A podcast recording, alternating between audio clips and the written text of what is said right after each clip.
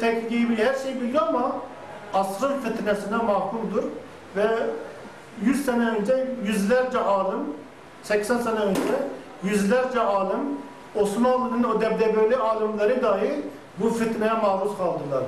Çoğu satıldı, materyalizme yenildi, imanını yitirdi. Mustafa Kemal'in müridi oldular. Başka bir tabirle. Yani bu, bu bizim için de tehlikedir. Kış mevsiminin gereğini bilip ona göre yaşamamız lazım. Birinci çare sıkı giyinmek, yani dinimizi tam yaşamak. İkinci çare iktisatlı davranmak ve diğer tehlikelere karşı ilaç alıp e, savunma mekanizmamızı, mekanizmamızı geliştirmemiz lazım.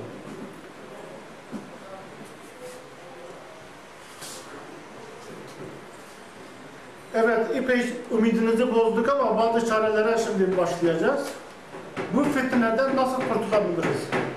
Şimdi bu birinci yapraktaki notlar şeydi, yani bu aslı tanımak için kusura bakmayın biraz rahatsızlığım da var, iyi konuşamadım. Özür dilerim hepinizden.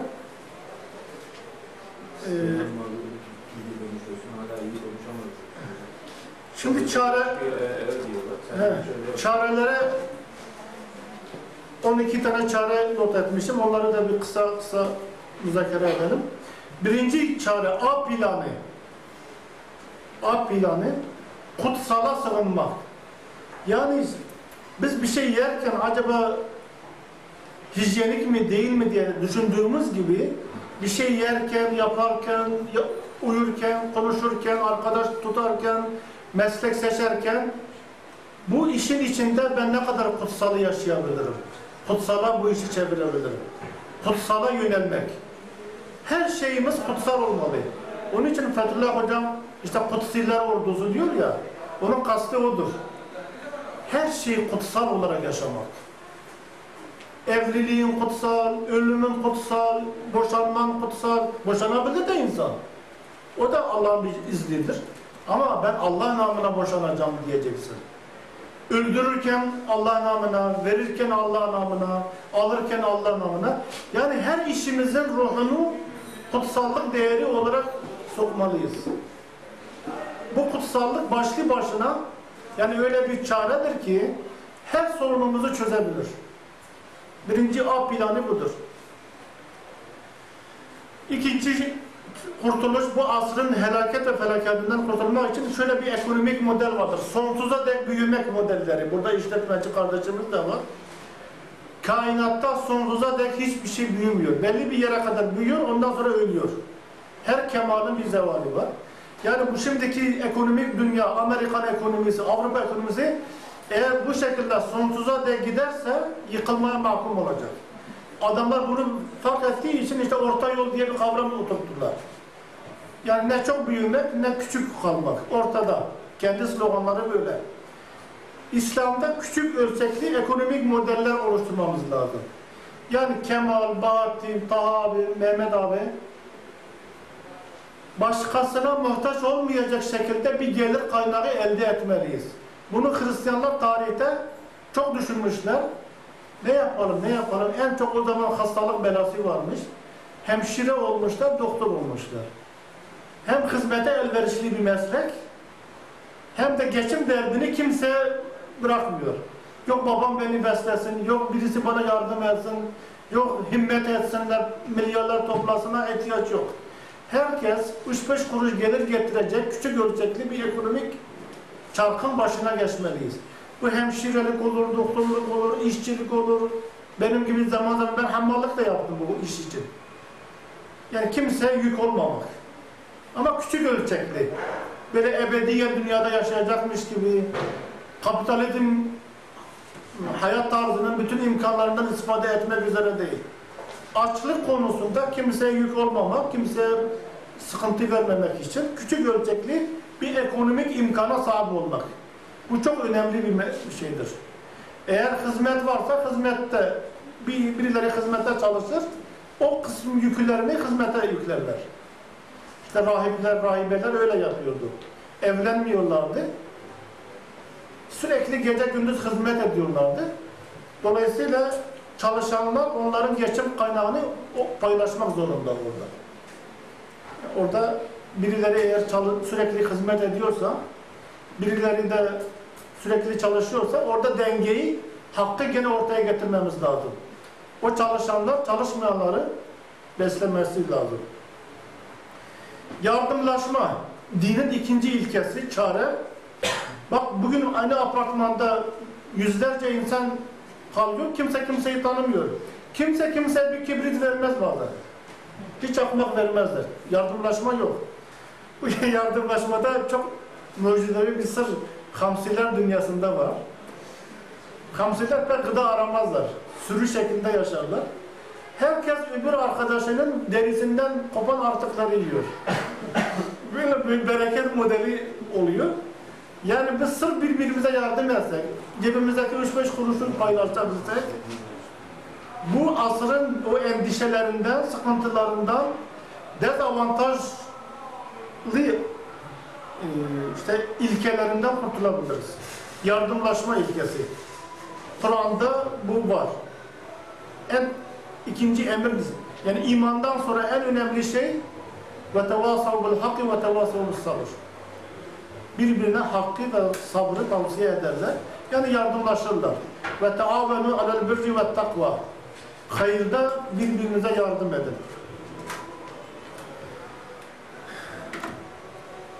İkinci bir çaremiz dindarlar mesela bu şimdi söyleyeceğim çarede çok düşünmüşler.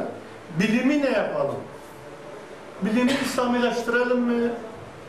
Yeni bir bilim mi icat edelim? Yeni bir felsefe mi oluşturalım? Tabi İslam muhak- muhakkıkları çok düşünmüşler. Burada ben bilimin ne İslamileştirilmesine taraftarım ne de yabancılaşmasına. Bilim zaten dinin kendisi gibidir. Dolayısıyla bilim ve din çatışmasını önleyecek e, çareler üretmemiz lazım. Yani bilimin tecrübeyle, bak laboratuvar deneyleriyle bulduğu bilgiler veya keşifle veya teoriyle, bazı teoriler var ki keşif gibidir. Yani akla yüzde yüz uyuyor. Biz o gibi bilgileri din ile bağdaştıracağız. Dinin hiçbir meselesinin o bilimle ters düşmediğini, bilimin hiçbir meselesinin dinle ters düşmediğini bilmemiz lazım, anlamamız lazım ve anlatmamız lazım. Bu dinin önünü, kutsalın önünü açacaktır. Şimdiye kadar bu modern asrın en büyük bela olması bundan dolayı. 300-400 senedir Avrupa'da başta bilim dine karşıdır. Dolayısıyla bilim gelişsin, din kenara çekilsin. İlkesiyle gidildiği için biz bu deccalın eline düşmüşüz. Bilim ve dinin hiçbir meselesi birbiriyle çelişmiyor. Bilim ne diyorsa din de onu diyor, din ne diyorsa bilim de onu diyor. Hatta din daha ötesini söylüyor, daha gelişini söylüyor. Yani bu Müslümanların Deccal'a yenilmesinin en büyük handikapı budur. Bilim ve din konusunda yeteri kadar dengeyi, özdeşleştirmeyi becerememişiz. Einstein'ın bir sözü var. Bilimsizlik topar, He, dinsiz bilim de kör. güzel bir laftır, evet. Başım üstüne. Hani zaten şey var ya, Peygamberimiz Peygamberliği daha sonra bir bakıma ilim vasıtasıyla devam edeceğini söylüyor. Evet, hadislerde de ahir zamanda peygamberlik kesilecek. Peygamberlik görevini din, yani Kur'an-ı Kerim İlim. Ali İmran 3. ayet Furkan diyor. İncil'i, Tevrat'ı indirmiş, Kur'an'ı indirmiş hidayet için. Hidayet nedir? Sonsuza dek seni yaşatmak için. Hidayet orada o demek. Hidayet kavramı da yanlış anlaşılmış daha abi. İnsanı ebedileştiren bilgi hidayettir. Ebedileştirmiyorsa o bilgi hidayet değil. Küçük çapta bir yol göstericidir. Bir de Furkan'ı indirmişti. Furkan akıl ama orada hidayet için demiyor. Furkan her an her şeyi ayıklamak için, netleştirmek için aklı indirmiş. Ve bir hadis var, yani gerçi senedine çok laf söylüyorlar. Ee, İslam'ın aslı ilim ve din, akıldır. Hadis var. Ramuzul hadiste geçiyor. Yani Buhari'de de var işte, alimler peygamberlerin varisi. Evet, zaman alimler peygamberlerin varisleridir, onların görevini görürler. peygamberliğin varisi oluyor. Ee, dördüncü çaremiz hurafeleri ayıklamak. Yani Kur'an'da, hadiste hurafe var demiyorum, yanlış anlamayın. İncil'de, Tevrat'ta hurafe var demiyorum. Halk arasında yanlış hocaların anlattığı bazı hurafeler var. O hurafelerin din olmadığını gösterip Yani dini yenilemek lazım. Tecdit görevi çok önemlidir. Mücedditler İmam Gazali gelmiş. O günkü felsefeden bazı yanlışlar dine karışmış, onu ayıklamış. Bediüzzaman gelmiş, bilimin içine bazı yanlış ideolojiler girmiş, onları ayıklamış. Hatta çok ilginçtir. Eski Said'in bir eserinde diyor, Avrupa'nın diyor müteaffin suyunu, bilim suyunu kastediyor. Arındırıp milletimize öyle içirmeliyiz. Arındırıp bak. Bak en müteaffin su dahi arındırılabilir diyor orada. Eski Said'in nutuklarında geçiyor bu. Bu tecdit vazifesi nurculara düşüyordu ama nurcular yapmıyor. Çünkü nurcular mevcut Müslümanların diye Müslümanlarda daha çok e, mollalık yapıyorlar. Yani taassup gösteriyorlar. Yani bu acı bir kayıp ve Bediüzzaman için büyük bir kayıptır. Çünkü Risale-i Nur'da tecdidin bütün doneleri var. Bütün malzemesi var ama nurcular yapmıyor. Orada ayrı bir kaybımız var. İnşallah aşarız. Cemaat olarak onu da aşarız. Ee, Beşinci çare bu yani bu asrın deccallığından, fitnesinden, tek taraflılığından, işte bilinmezlerinden kurtulmanın beşinci çaresi soyut ve manevi değerleri esas almak. Ve hatta tek taraflı dahi gitsek karlı çıkarız. Yani soyut ve manevi değerler o kadar kayıp olmuş ki, o kadar gündemde değil ki birileri bütün hayatını soyut ve manevi değerlere adasa hiç bu modern kültürden hiçbir şey bilmezse dahi kayıpta sayılmaz. Gerçi dengeli olsa daha iyi olur. İki taraflı olsa, iki kanatlı olsa daha iyi olur ama bu asrın tek taraflılığını dengelemek için birileri çıkıp biz sadece soyut ve manevi değerleri esas alıyoruz dese yerindedir ve isabetli davranmış olur. Altıncı çaremiz camiyi ve kiliseyi ihya etmek. Yani bu gerçekten bugün 19 tane ilahiyat fakültesi var. 19 makale dinle ilgili çarpıcı bir çıkış yolu gösterecek bir şey yazılmıyor. Şimdi burada cami ve kilise dedik. Burada İslam Rönesansı ifadesini kullanabilir miyiz? Veya İslam, Müslümanın Hem Rönesansı. ben cami ve kilise derken hani batıda kilise bizde cami ikisini kastediyorum. Öyle. Evet Rönesans, Rönesans demek. Bir Rönesansa ihtiyaç var. Evet bir aydınlanmaya ihtiyaç var. İşte Fransız ihtilali kebiri tek taraflı gittiği için kiliseyi kurtaramadı. Fransız ihtilalinde aydınlanma, Rönesans oldu. Ama kiliseyi dışlayarak olduğu için biz kiliseyi ve camiyi dışlanmayacağız. Yani Fransız aydınlanması gibi aydınlanmaya gitmeyeceğiz. Biz camiye ve kiliseye de el atacağız. İki kanatlı olup onları da yenileyeceğiz, kurtaracağız. Allah'ın izniyle. Yani cami kovulsun, kötüdür. Kilise kovulsun, kötüdür. Biz yepyeni bir dünya kuracağız demiyoruz. Onlar da bizim, onlar da malzememiz. Onları da yenileyeceğiz. Yani yenileme derken caminin duvarlarını yenilemek değil. Kafaları yenilemek.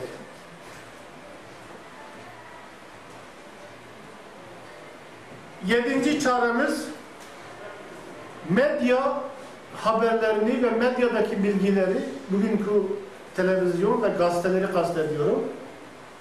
Esas almamak. Neden esas almamak? Hani onlar işte haber veriyor, bizi aydınlatıyor şu bu. Samimi söylüyorum. Bak Kemal kardeş işlerinde çalışıyor. Bütün haberlerin, bütün gazetelerin, bütün kanalların tek amacı var. Bir şeyleri, yani fazla mallarını birilerine nasıl satarız? Ticaridir amaç. Hiç aydınlanmaya yönelik bir program yok. Yani Müslüman kanallar var, onlar da fakirdir, paraya ihtiyaçları var. Mecburen uygun, uygun olmayan bir sürü reklam alıyorlar. Onlar da yani tüketim çünkü masrafı çok büyük bir kanalı. Mecbur kalıyorsun, ehli dünyaya yenik düşüyorsun. Yani gel ticari oluyorsun. Yani milleti aydınlatmak, bilgilendirmek, geliştirmek, yönlendirmek değil medyanın gayesi. Birilerine mal nasıl satarız, ideolojimizi nasıl satarız? Satmaktır yani. Onun için e, bir insan, işte ben 40 senedir televizyon seyretmiyorum. Hiçbir gazete okumadım ki Ustad 20 sene bunu yaşamış. Hiçbir kaybı olmamış. Ben seyretmedim, ne kaybettim diyor. Siz seyrettiniz, ne kazandınız diyor. Ustad soruyor. Hiçbir kayıp olmaz. Yani televizyona ayırdığımız vakti kitaba ayırsak, ibadete ayırsak, tefekküre ayırsak, bir komşumuzla tanışıp bu asrın yabancı, yabanileşmesini önlesek çok daha çare olur. Misafirler bile gidiyor birbirine televizyon seyrediyorlar. Evet, kendi evinde televizyon daha iyi. O bile bak misafirliği bile öldürdü televizyon. Sanat öldü. Yani sanat olmuş çıplaklık. Isyan türküleri olmuş sanat. İşte buna benzer şeyler var kanallarda. En baş köşeye koyuyoruz. bilmiyorum, Evet maalesef. Yani bu medyanın tesirinden kendimizi kurtaramazsak modern asrın bütün zehrini yutur, yutarız. O yani en asgariye indirmemiz lazım bunu. Sekizinci çare hedef ve planlama yapmak. Küçük çapta, herkes kendi çapında. Yani bunalım yaşamamak için. Bugün bir genç ne kadar okumuş olursa olsun hedef ve planlama yapmadığı zaman bunalıyor. Zaten asır bunaltıcı, medya bunaltıcı, ana baba işte kızım çalışmıyor, oğlum çalışmıyor, bana yük oluyor dedikodularını yaş- yaşamamak için küçük çapta hedef ve planlama yapmak lazım. Bu çok önemlidir. Yani tanzimul mesai diyoruz Salim Nur'da. Mesaileri tanzim etmek. Ve mesela benim günde 18 saat vaktim var. Ben bu 18 saati nasıl kullanabilirim? Küçük küçük planlama yapmak. Herkes kendi çapında, kendi görevine göre uygun.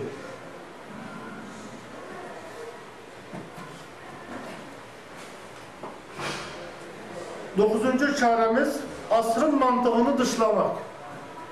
Bak reklamların belli bir mantığı var, sokakların belli bir mantığı var, mimarinin belli bir mantığı var. Milli eğitimden çıkan kitapların belli bir hep böyle belli bir mantık, tek taraflı bir mantık, dünyevi bir mantık, maddi bir mantık, cinselliğe yönelik bir mantık var. Her şeyimizde. Bu mantığın farkına varmak. Bu mantığın farkına vardığın zaman kendini korursun. Yoksa bilinçaltın sürekli sokakta gezinirken, televizyon izlerken, gazete okurken, arkadaşlarla konuşurken farkına varmadan sürekli o mantığı kapıyoruz. Kemal oluyor, modern bir kemal. Ondan sonra çıkıyor, şeyhlik yapmak istiyor, olmuyor. Çünkü sokak onun şeyhliğini elinden almış. İmanını zayıflatmış. Bilgisini unutturmuş ona. Gündemde değil ya bu. Halbuki eğer gündemde olsaydı bunlar, sokakta da iman olurdu, televizyonda da iman olurdu, gazetelerde de iman olurdu, ahiret olurdu, ebedilik olurdu, gerçekler olurdu ve o zaman en küçüğümüz dahi bir şeyh kadar hizmet edebilirdik. Şimdi şeyh dahi gelse, bu İstanbul'da birkaç sene bu modern hayatı yaşasa, bütün maneviyatını yitirir. Bunun çaresi asıl mantığını tanımak, o mantığa karşı sürekli uyanık durmak. Nasıl bir mesela bir tanıdığın bir arkadaşın mantığı belli. Biliyorsun ki ondan gelen her şey sana zarar verecek. Ona karşı ne yaparsın? Mesafeli durursun. Her konuştuğunu dinlemezsin. Cevap verirsin, kaçarsın, unutursun. İşte bu- buna benzer çareler var. Onuncu çare kırsal ve doğal hayatı teşvik etmek. Yani ne kadar doğal yaşasak, yani bu modern ürünlerden kendimizi uzak tutsak o kadar karlı çıkarız. Yani bugünkü modern zihniyet yemeğe bile karışıyor. Yemekler bile modern olmuş. Yok sosoydu. Hatta bazı gır- gırgırcılar şimdi çamaşır makinesi çıktı iyi tamam güzel bir nimet. Onun işte sabunu olarak deterjan üretildi. Deterjanı yumuşatma, gevşetme gibi bin bir tane ürün daha çıktı yani. Yani asrın tüketimi, yiyeceği her şey doğal değil. Onun için ne kadar yani köy yumurtası varsa köy yumurtasını normal yumurtaya tercih edeceksin. Köyden gelen et varsa kasaptaki etten tercih edeceksin. Yün giyinmek varken plastik ürünleri giymekten kaçacaksın. Buna benzer yani elbisen, yiyeceğin, davranışın dahi seni modernize, moderniteye karşı uyanık tutmalı. Amerika'da böyle akımlar var değil mi Ferhat? Evet abi. Yani işte adam karşı olduğu için değil. Sırf bu modernizmin belasından kurtulmak için elektrik bile kullanmıyor. Ki elektrik büyük bir nimettir. Kur'an'ın işaret ettiği bir nimettir. Yani ben kullanmayın demiyorum. Fakat eğer lambalarımız bize sürekli moderniteyi aşılıyorsa ben o lambayı kırarım gider çırayla otururum. Çırayla otursan daha kararlı çıkarsın. Yani ben kırın demiyorum yanlış anlamayın. Ama eğer aşılıyorsa bana benim imanımı, maneviyatımı, kutsal değerlerimi çiğnetiyorsa bana ben o lambayı kırarım. Ve ne kadar da çalışırsa çalışalım, ne kadar uğraşırsak uğraşalım yara yiyeceğiz. Bak bunu peşinden bilmek lazım. Kış mevsiminde yaşıyoruz. Binlerce yerden darbe ve savaş mermileri geliyor. Mutlaka yara yeriz. Gönlümüzü birilerine kaptırırız. Hayatımızı iğrenç işlere kaptırırız. Mutlaka kaybımız olur. Kaybımız oldu diye ümitsizliğe girmeyelim. Kayıplarımızı başka şeylerle telafi etmek. Mesela Hazreti Peygamber'e bir sahabe geliyor. Ya Resulallah ben diyor şu günah işledim. Kalk diyor abdest al, iki rekat namaz kıl, tevbe et. Senin o günahın da sevap olur diyor sana. Bak hem abdest aldı sevap kazandı. Hem namaz kıldı sevap kazandı. Bir de tevbe ettiği için o günahı da ona sevap olarak yazılıyor. Biz belli sohbetlerle, belli ilmi çalışmalarla, belli projelerle, belli aktivitelerle bu modern asrın yaralarını, kayıplarını kazanca çevirebiliriz. Telafi sistemi denir buna hayatta. Hayatımızı telafi edebiliriz. Kim ne dese desin işte ben tam dindarım, ben televizyondan hiç etkilenmiyorum, hiç gazetelere bakmıyorum, hiç etkilenmiyorum demek mümkün değil. Hiç modern asrın felsefesi benim zihnime girmedi demek mümkün değil. Ya bilimlerin içine sokmuşlar onu. Kimyayı verirken adam tıp öğretiyor, tıptan ziyade modern asrın hastalığını sana öğretiyor. An, bilim anlayışını, felsefesini, maddi buyur. Bir yerde yazmışsın zaten. Hak ile batılı karıştırarak verme. He, evet, modern asrın Senin makalende var. İşte deccal o demek. Hakla batılı karıştıran, aldatan demektir. Dolayısıyla etkilenmemek mümkün değil, fire vermemek mümkün değil ama firelerimizi nasıl hastalanmamak mümkün değil, hastalığımızı biz kuvvetlendirici ilaçlarla lehimize çeviriyoruz. Vücut kendini yeniliyor, ameliyat oluyoruz, vücut kendini yeniliyor. Bazı ameliyatlar lazım, bazı ilaçlar lazım ki bu kayıplarımızı lehimize çevirebilelim. Ve toplumun e, işte 10. maddede şöyle bir not yazmışız. Toplum çaresiz yani. Şefkate muhtaç. Dinsizi de, dindari de, Hristiyanı da, Yahudisi de. Mesela ben Tevrat'la ilgili bir kitap yazdım. Yahudiler imanımızı bu kitapla kurtardık dediler. Demek ki çaresizdirler. İncil'le ilgili kitap yazdık. Hristiyanlar teşekkür etti. Biz imanımızı bununla kurtarıyoruz dediler. Kur'an'la ilgili bir şey yazıyorsun, Müslümanlar dua ediyor. Ya Rabbi biz Kur'an'ı yeni tanıdık diyor. Herkes çaresiz. Dindari, dinsizi, zengini, fakiri, kulübede yaşayanı, sarayda herkes bu asırda çaresiz. Yenik durumda. Kış mevsimi çok şiddetli gelmiş çünkü. Bu insanlara şefkat edip dindarlar lider olmalı. İşte Hazreti İbrahim dua ediyor. Yani ne dedik? Bu asırda kurtulmanın bir çaresi İbrahim modelinde olmak. İbrahim'in en büyük özelliği şudur. Denge bir de metafizik açılımlara sahip. Melekutus semavati vel ardi gördü. Kainatın iç yüzünü okuyabildi diyor ayet. Ve İbrahim'in ikinci modeli Ya Rabbi beni ve zürriyetimi imam yap diyor. İmam lider demek.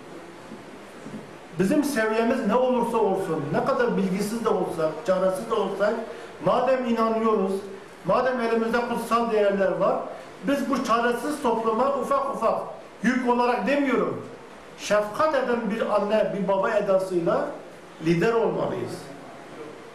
Ve insanlar lidere ihtiyacı var, yönlendirmeye ihtiyacı var. Çaresizdirler, işin içinden çıkamıyorlar. Problemlerinin çözümünü getiremiyorlar. Burası bu asır medeniyeti, işin özeti 5 dakikamız var, onu da özetiyle bitirelim. Bu asır bir büyüdür. Kur'an'da 102. e, ikinci surenin 102. ayetinde Harut Marut büyüsünden bahseder. Yani bugünkü medeniyet kolektif bir kişilik kazanmış, iki kolu var. Biri Harun, biri Marun. Harun aile içine ifsad ediyor, bozuyor. Aileleri birbirinden, karı kocayı birbirinden ayırıyor, soğutuyor. Marut yani kara yılan, Harut kara kedi. Hani aralarına kara kedi girdi, ayırdı deniyor ya. Marut kara yılan çevreyi zehirliyor. Bugün sular zehirleniyor, hava zehirleniyor, radyoaktif maddeler yayılıyor, manevi radyoaktif maddeler yayılıyor. Çok çevre kirlenmesi var.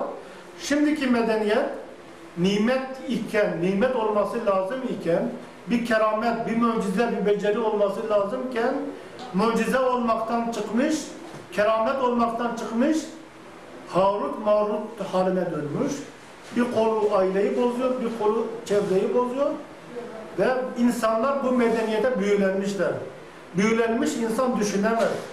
Bilinci yerinde değil, ayık değil. Onun için bu büyünün farkına varıp kendini ondan kurtarabilenler diğer insanlara şefkatle eğilmeli. Yok fahişeymiş ben onunla ilgilenmem demeyeceğiz. Hazreti İsa en çok fahişeleri kurtardı. Yok işte zenginmiş, Müslümanlara küfrediyormuş, biz gider onu da kurtarırız. Yok işte benim hakkımı yedi, paramı yedi, ben gider onu da kurtarırım. Herkese sonsuz şefkat ilkesiyle bu az bir grup dahi olsa dindarlar bu asrın o kör talihini, büyülenmiş gözlerini açabilirler. Talihini, ta talihsizliğini talihe çevirebiliriz. Bu Harut Marut'la ilgili geniş izah için Kur'an'ın evrenselliği e, Bakara suresi 94 ve 103. ayet arasında yeteri kadar izah var. Merak edenler kitaba bakabilir. O bilgiyi ayrıca bir genişletmek lazım. Yani Harut Marut bahsi, medeniyet bahsi, medeniyetin nasıl bir büyü olduğuna dair geniş izah orada var. Şimdi onu açarsak bir ders daha yapmamız lazım. Bunlar İbranicedir. Harut, Marut kelime olarak. Harut, hır ve kedi demek Arapçada. Mu mübalağa. Yani çok çok kuyu kedi. Yani aramızda bir kedi geçti ama griydi. Ha idare eder. La gri değil bu. Kapkara bir kedi. Marut, mar yılan demek. Rut yani kuyu yılan. Ha. Yani çok zehirleyici bir yılan. Öyle ki kainatı bozuyor, aileyi bozuyor, gönülleri bozuyor ve bu işin Kur'an işaret ediyor, yöneticileri masonlardır diyor. Çok ilginç. Yani ben masonların hepten kötüdür, onlara kapı kapalıdır demiyorum. Onlar da insan kendilerini düzeltebilirler. Fakat Fransız ihtilali kebirini yapan onlar, bu asrın dengesiz kültürünü bugüne getiren onlar, bugün de devam ettiren onlar olduğu için onlara da bir mesajımız olsun. Bu kara kedi ve kara yılan büyüsünden vazgeçsinler. İnsanlara faydalı, dengeli, doğru bilgi anlatmalılar. Ve e, inşallah onlar da insan olduğu için hem de seçkin insanlar. En okumuş kesim, en zengin kesim, en düşünen kesim onların içinde barınıyor. Eğer onlar kazara yüzde bir dahi kendilerini düzeltseler asrımız bir nefes alır. Yani bu Harut Marut büyüsünden kurtuluruz. Yoksa herkes büyülenmiş. Mesela size bir misal vereyim. Oğlum okulu kazanınca bizim evde sevinç başladı. O okul kazanmış. Hiç kimsenin umurunda değil. Ne babasının ne anasının namazını kılıyor mu kılmıyor mu? Bu çocuk materyalist oldu mu olmadığını umurumuzda değil. Gündemimizde sürekli okul kazanması, okuldan para kazanması, kendini tüketmesi, öldürmesi, mahvetmesi gündemde. En dindar ailede bile budur. Hiç kimse kızını, çocuğunu İmam Hatip'e vermiyor bak şimdi. Neymiş, üniversite okuyamıyor. Okumasın. Biz İmam Hatip'i dahi bir fakülte haline getirebilirdik ya dindarlar. Hiç çare öğretmiyor dindarlar. Ve dindarlar dahi hep bu modern asra yeniktirler. Cenab-ı Hak bizi muhafaza etsin. Sonumuzu hayır etsin. Bizi Kur'an talebesi ve İbrahim modelinde yani melekutu, metafizik alemi keşfetmiş, çözmüş insanlar yapsın ki kalbimiz bu maddi dünyaya, bu büyülü dünyaya yenik düşmesin. Ve dengeyi kaybeden yok olmaya mahkumdur. Son cümle budur. Biz ne edip edip dengeli yaşamakla zorundayız. Dengeyi kaybeden bunu bir slogan gibi ezberleyebiliriz. dengeyi kaybeden yok olmaya mahkumdur. Çünkü varlık dengeden ibarettir. Bütün fizik dünyanın varlığı dengeden ibarettir. İster dengeyi seçin, var kalın, ebedi kalın, imanlı lider, imam olun topluma, ister yenik düşün, yok olun. Tercih insanın elinde. Cenab-ı Hak hepimizi korusun.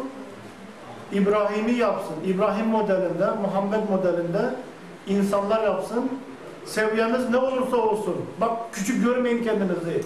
Seviyemiz ne olursa olsun diğer büyülenmiş, gözü kapanmış, bayılmış insanlara kurtarıcı olabiliriz. Yani imam olabiliriz, rehber olabiliriz.